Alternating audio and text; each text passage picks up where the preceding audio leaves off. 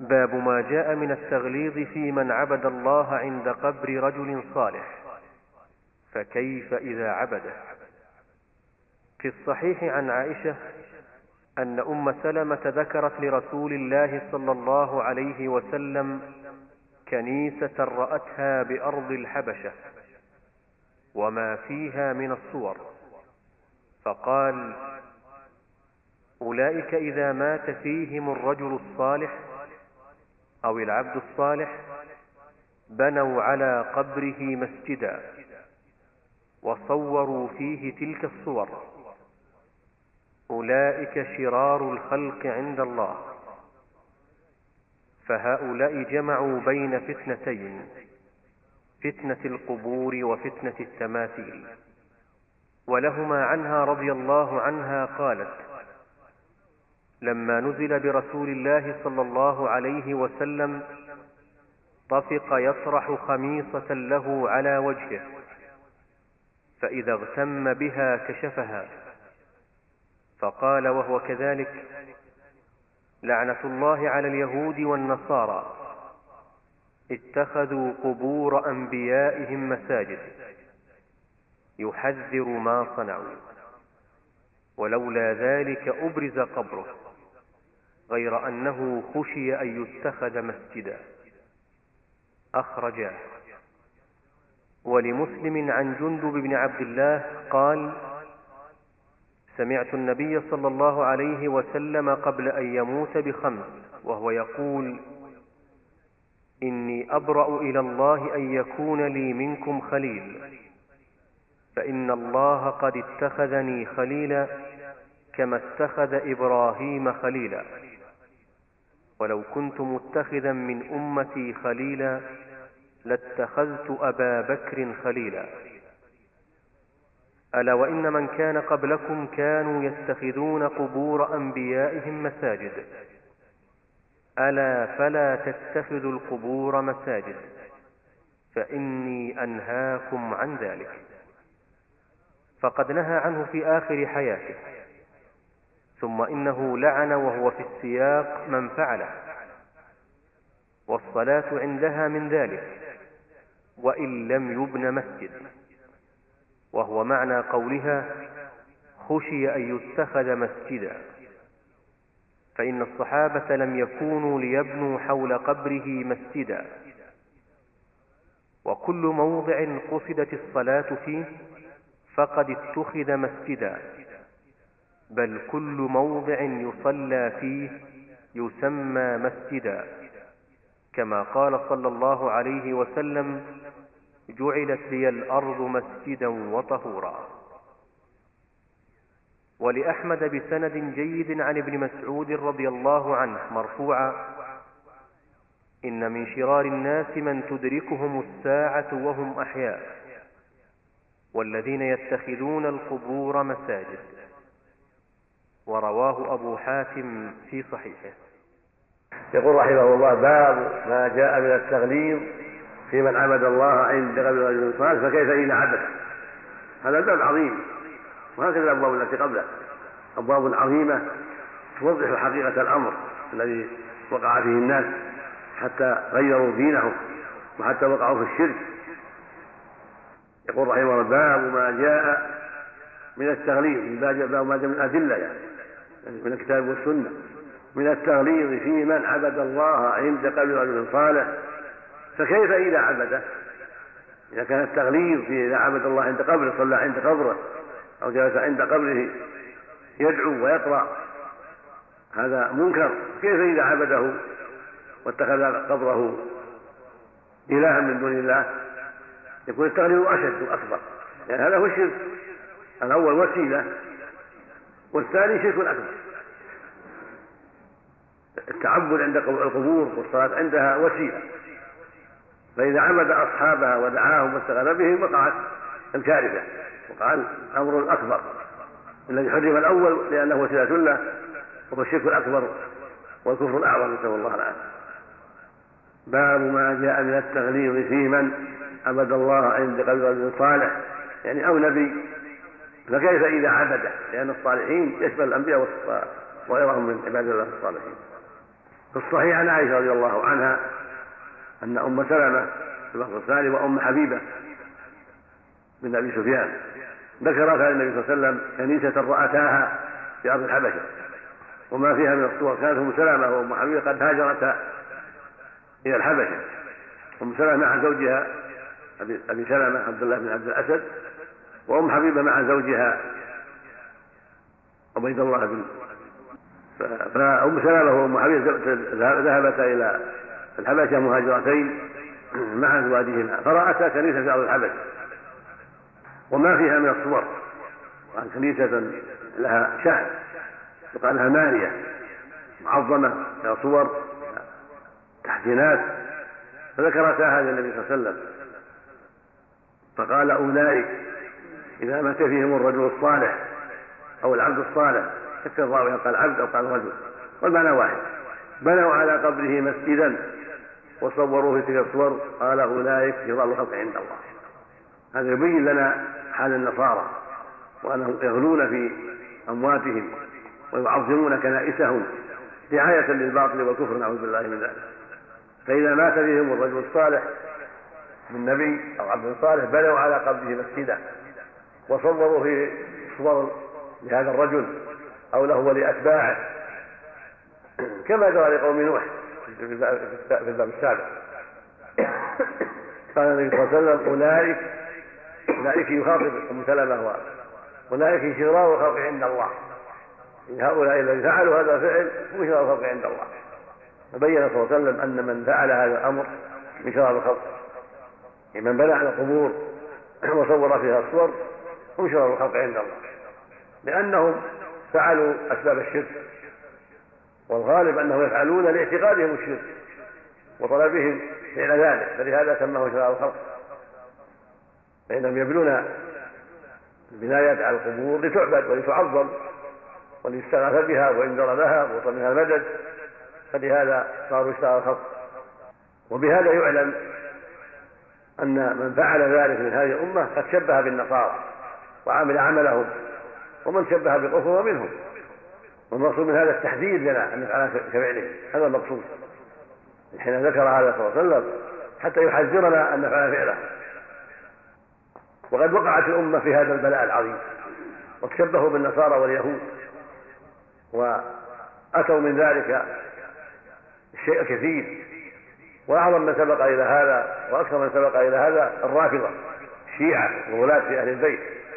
أول من بنى على القبور واتخذ عليها المساجد وعظمها وعبدها من دون الله. ثم اتبعهم غيرهم من الناس من ينتسبون إلى السنة وعدم التشيع. قلدوهم وشابهوهم في ذلك. فبنوا على القبور وعظموها واتخذوا عليها المساجد وعبدوها من دون الله. كما هو الواقع الآن في مصر والشام والعراق وفي بلدان لا تحصى. عبدت القبور وبني عليها المساجد وعبدت من دون الله عز وجل وفرشت وطيبت وطيف بها طافوا بها كما يطاف الكعبة. كل هذا واقع. هذه الامه وقعت فيما وقعت فيه الأمة قبلها. كما أخبر به النبي صلى الله عليه وسلم حيث قال لتتبعن من كان قبلكم. حذو القدة بقده قد وقع.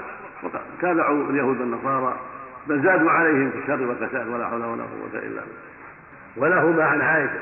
قال المؤلف هؤلاء يعني هؤلاء الكفرة جمعوا بين فتنتين فتنة القبور وفتنه التماثيل. القبور عظموها وبنوا عليها. والتماثيل الصور. كلاهما فتنة. وجود الصور فتنة وبناء القبور فتنة. فالنصارى جمعوا بين الفتنتين. وهكذا من شابههم من هذه الأمة ممن صور صور الصالحين والأنبياء ونصبها على قبورهم وعظمها أو في مجالسهم. شابهوا اليهود والنصارى وشابهوا قوم نوح. الذين هلكوا. هلكهم الله بالطوفان. بسبب غلوهم في ود وسواع ويغوث ويعوق ونسر كما تقدم. ولهما عن عائشة رضي الله البخاري ومسلم. عن عائشة رضي الله عنها. قال لما نزل برسول الله نزل بملك الموت. نزل نزل به الموت عليه الصلاة والسلام. رفق يطرح رفق جعل يطرح. خميصة الله على وجهه خميصة كساء له أعلام تارة يضعه على وجهه وتارة يرفعه لأنه يهمه فيرفعه عن وجهه في سكرات الموت. رواية أخرى يقول إن إن لهذا الموت سكرات عليه الصلاة والسلام. وهو سيد الخلق وأفضل الخلق. أصابه شدة عند الموت عليه الصلاة والسلام. يرفع الله من درجاته وليكون أسوة لغيره ممن يشتد به الموت من أمته عليه الصلاة والسلام. ويقول لعن ويقول في هذه الحالة الشديدة لعن الله اليهود والنصارى اتخذوا القرآن يحذر الناس.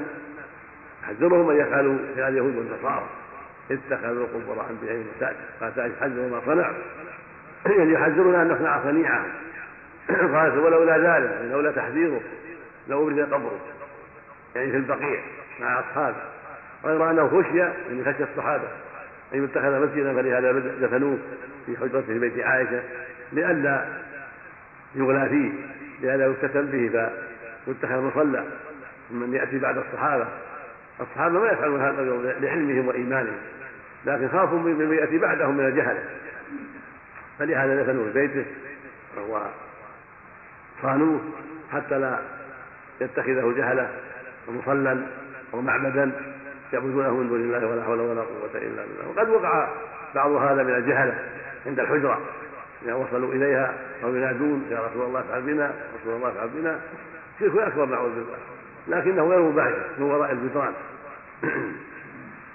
وهذا يدل على غيرة الصحابة وحرصهم على شرف هذا الدين وحمايته من أن يقع فيه الشرك وأن يضل به الناس فلهذا حذروا الأمة ونقلوا له الأحاديث عن رسول الله صلى الله عليه وسلم المبينة نهيه عن اتخاذ مثل القبور ولعنه من فعل ذلك حتى لا يقعوا في هذا الأمر. فمنهم من أطاع وحماه الله وسلم ومنهم من وقع في هذا البلاء ولم ينتفع بهذه الأحاديث نسأل الله العافية والسلام. وهكذا قول في حديث جندب انه سمع الرسول قبل أن يموت بخمس يعني خمس ليالي كما في روايه أخرى. وهو يقول إن الله قد اتخذني خليلا كما اتخذ إبراهيم خليلا. ولو كنت متخذا من أمتي خليلا اتخذت ابي خليلا. هذا يدل على فضل أبي بكر الصديق وعلى أن نبينا هو خليل الله عليه الصلاة والسلام. إبراهيم خليل الله وهكذا نبينا صلى الله عليه وسلم هو خليل الله. وأفضل من جده إبراهيم عليه الصلاة والسلام جميعا. والخله أعلى المحبة أعلاها وأكملها. فالخليلان هما إبراهيم ومحمد وهما أحب الخلق إلى الله عليهما الصلاة والسلام. وفي هذا دلالة على فضل الصديق وانه أفضل الصحابة ولو جاز له إن يتخذه خليلا اتخذه خليلا.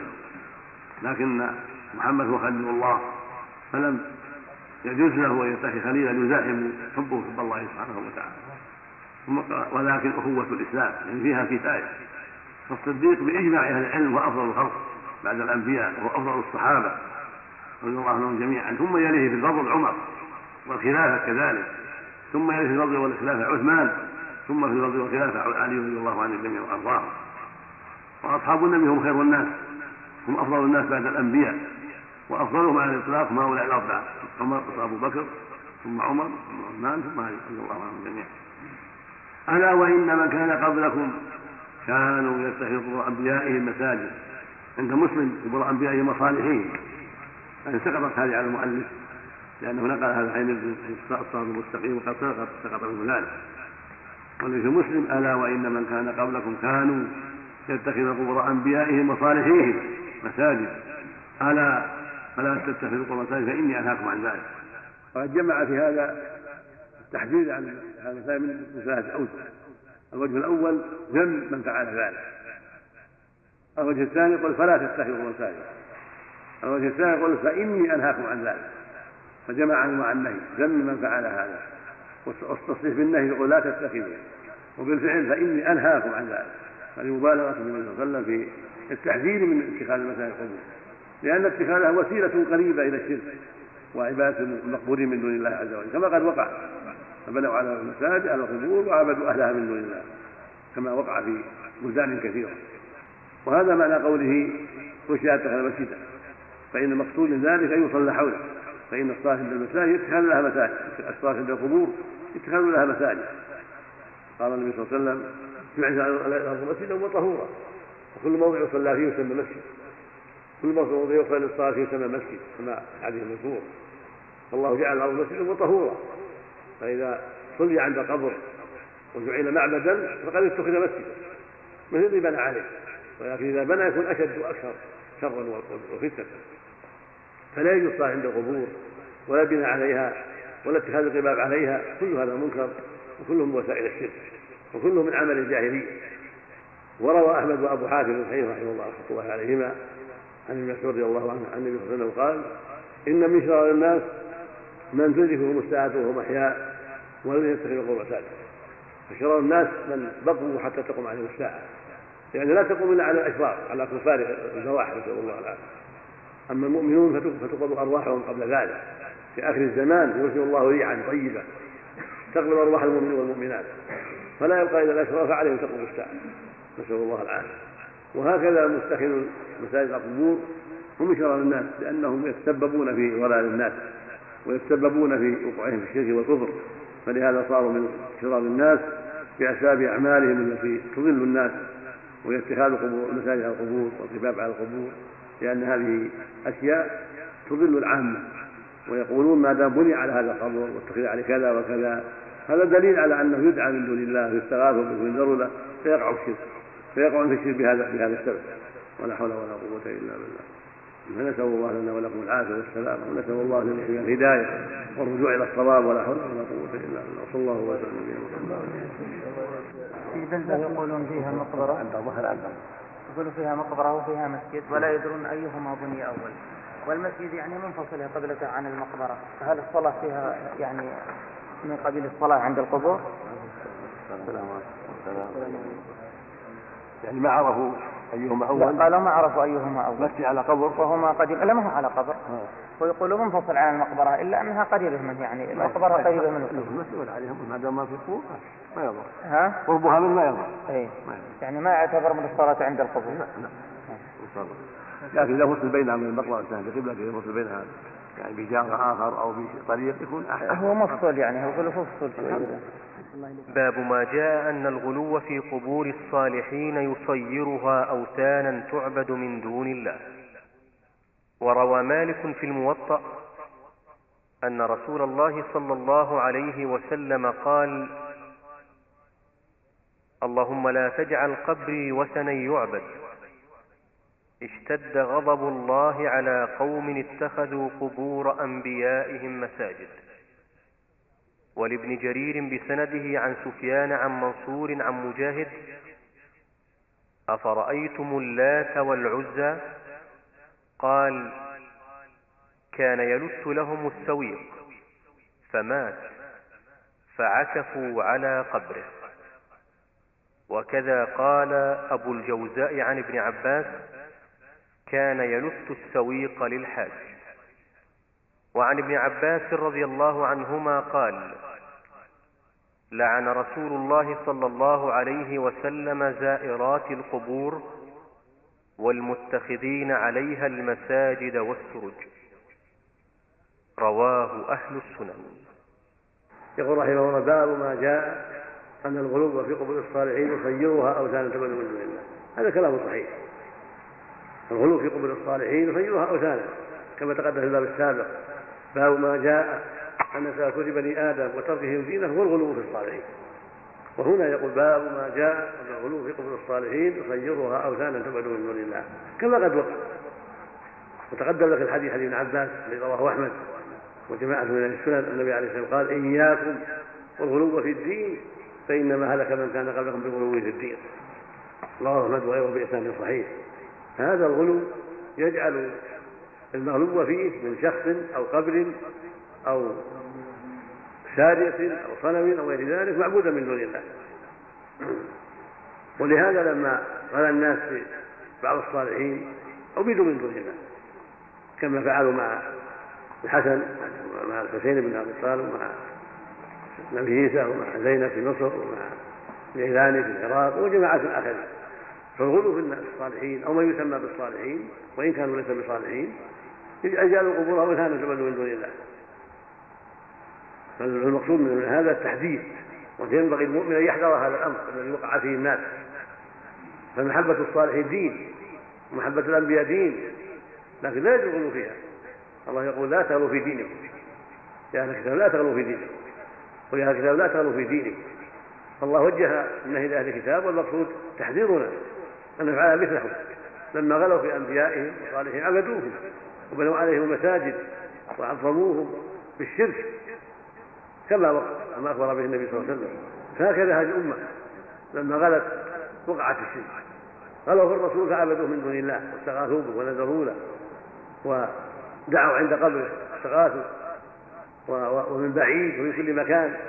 ولما غلوا في بعض الصحابة كعلي رضي الله عنه والحسن والحسين وفاطمة وغيرهم فآخرين من الصحابة وقال فيهم آخرون عبدوه من دون الله. وهكذا من بعدهم ممن ينسب للصلاح في القرون المتأخرة كذلك. فالذي قاله المؤلف واقع ودل عليه قول النبي صلى الله عليه وسلم إياكم والغلو في الدين فإنما أهلك من كان قبل غلو الدين. وفي سابق الزمان لما غلا قوم نوح في ود وسواع ويغوث ويعوق ونسر عبدوهم أيضا. أولا جاءهم الشيطان وقال لهم صوروا صورهم وانصبوها في مجالس للتذكار. لمثل عبادتهم وأعمالهم. ثم لما طال الأمد زين لهم أن يعبدوهم من دون الله وقالوا إن أوليكم يستغيثون بهم ويستغفرون بهم ويدعونهم وكذا وكذا حتى وقع الشرك في قوم نوح فبعث الله إليهم نوحا عليه الصلاة والسلام ودعاهم إلى التوحيد والإيمان فأصروا واستكبروا ولم ينقادوا الحق إلا القليل الذين ركبوا مع نوح السفينه وأما الأكثرون فأصروا على الشرك فأغرقهم الله بالماء أغرقهم غرقا عاما بالماء من تحت والماء من فوق. فنزل الماء من فوق ونبع الماء من تحت حتى غرقوا على اخرهم نسأل الله العافية. فالمقصود أن الغلو كما وقع في سابق الزمان في قوم نوح ووقع بعد ذلك في اليهود والنصارى ووقع في هذه الأمة هما هما هما ذكره المؤلف رحمه الله. روى مالك بن الموطا مالك, مالك بن أنس بن مالك بن أبي عامر الأصبحي قحطاني من أصبح اليمن. إمام مشهور وهو إمام دار الهجرة في زمانه في المئة الثانية من الهجرة. كان إماما عظيما وعالما جليلا رحمه الله توفي سنة 79 و100 في في آخر القرن الثالث مات سنة 79 و100 وكان إماما مشهورا وله أتباع وله معروف. روى مالك في موطئه في كتابه يسمى الموطأ عن النبي صلى الله عليه وسلم قال اللهم لا تجعل قولي مثلا يعبد. اشتد غضب الله على قوم اتخذوا القرآن من يساره رواه مرسلا عن عطاء بن يسار وروي أيضا عن عطاء بن عن زيد بن أسلم وهو متصل عن النبي صلى الله عليه وسلم عن أبي سعيد الخدري. إن النبي صلى الله عليه وسلم قال اللهم لا تجعل قلبي وثنا يعبد. اشتد غضب الله على قوم اتخذوا قبورا من المساجد هذا يدل على أنهم إذا اتخذوها مساجد جعلوها اوثانا وهو الواقع. فانه لما بنوا عليها على القبور واتخذوا عليها مساجد عظموها بالدعاء واستغاثوا بها وطافوا بها ونذروا لها فصارت اوثانا. وهكذا بلاد لما غلا فيها الطائف وعظموه جعلوه وثنا كما قال مجاهد. كان يجعل التسويق عن الحال فمات فعاك وعقبه وهكذا قال ابن عباس يجلس له مستويق على صارت عنده فيطعمهم فعظموه وغلوا فيه فلما مات عبدوه وجعلوا عليه قبة وأستار وعظموه فصاروا اله لأهل الطائف ومن سار على طريقهم. يجب على المؤمن أن يحذر هذه الأشياء وعلى المسلمين أن يحذروا هذه الأشياء التي وقع فيها الجهله في العهد الأول ووقع فيها جهلة في العهد الأخير. هذا أمر مستمر من عهد نوح إلى يومنا هذا. وهم يعبدون من غلوا فيه وعظموه ونسبوه للصلاح. ويقولون إنه يشفع. ندعوه ندعوه ونستغيثه وننزل له وهو يشفع لنا عند الله. فجعلوهم قرابين يتقربون بهم وجعلوهم شفعاء بعبادتهم من دون الله. فالله أنكر عليهم هذا وأرسل الرسل وأنزل الكتب تدعوهم إلى ترك ذلك. ونهاهم عن هذا الأمر عن هذا الأمر. وامرتم الأنبياء فسلوا عبادة الله جل وعلا. ولقد بعثنا في كل أمة رسول أن يعبدوا الله واجتنبوا الطاغوت. وما أرسلنا من قبلك من الرسول إلا نوحي إلى أنه لا إله إلا هو. فبين الرب عز وجل أن اتخاذهم هذه الأصنام والقبور يعبدونها أنها اتخاذ اله مع الله واتخاذ آلهة مع الله. ولما قال الرسول لقريش قال يا قوم قولوا لا إله إلا تفلحوا أنكروا هذا. وقالوا ما ذكر الله عنهم أجعل الآلهة إله واحدة إن هذا لشيء عجاب. وقالوا أئنا لتاركوا آلهة شاعر مجنون فزعموا أن ترك آلهتهم أمر لا ينبغي منهم. ولا ينبغي أن يطاوعوا من نهاهم عن ذلك. هذا لجهلهم وضلالهم وفساد العقول وتلوثها بالشرك. نسأل الله العافية. فعرف بهذا أن البناء على القبور اتخاذ المساجد عليها من باب الغلو وأن يصيرها أوثان تعبد من دون الله. ولو ما عبدوها أولا لو بنوا عليها قبة أو مسجد ولم يعبدوها بعد ذلك يأتي غيرهم أولادهم أو بعد أولادهم فيعبدونها لأن الوسائل تجر إلى الغايات ولهذا حرم الله الوسائل. وهي بناء القبور كالمساجد عليها واتخاذ لأنها وسيلة تجر من فعلها أو من بعدهم. إلى أن يستغيثوا بهم وينذروا لهم ويطوفوا بقبورهم فيقع الشرك الأكبر. وهكذا حديث ابن عباس. أن الرسول لعن زائرات القبور ومتخذين المساجد والسرج هذا الحديث دل على مسائل ثلاث. السنة الأولى زيارة القبور للنساء. وهي محرمة على الصحيح لأن الرسول لعن زائرات القبور فدل على أنه لا يزورنها. وهكذا في حديث حسان بن ثابت وأبي هريرة في المعنى. فهي تدل على تحريم الزيارة للنساء. هي مختصة بالرجال على الصحيح والمسألة الثانية والثالثة اتخاذ المساجد والسور على القبور. فلا يتخذ المساجد عليها لما تقدم لك من الأحاديث. قول لعن الله اليهود والنصارى اتخذوا القرآن بها المساجد متفق عليه. ولقوله فيما رواه مسلم الصحيح عن جندب ألا وإنما كان قبلكم كانوا يتخذون قبور أنبيائهم وصالحيهم مساجد. ألا فلا تتخذوا مساجد فإني أنهاكم عن ذلك.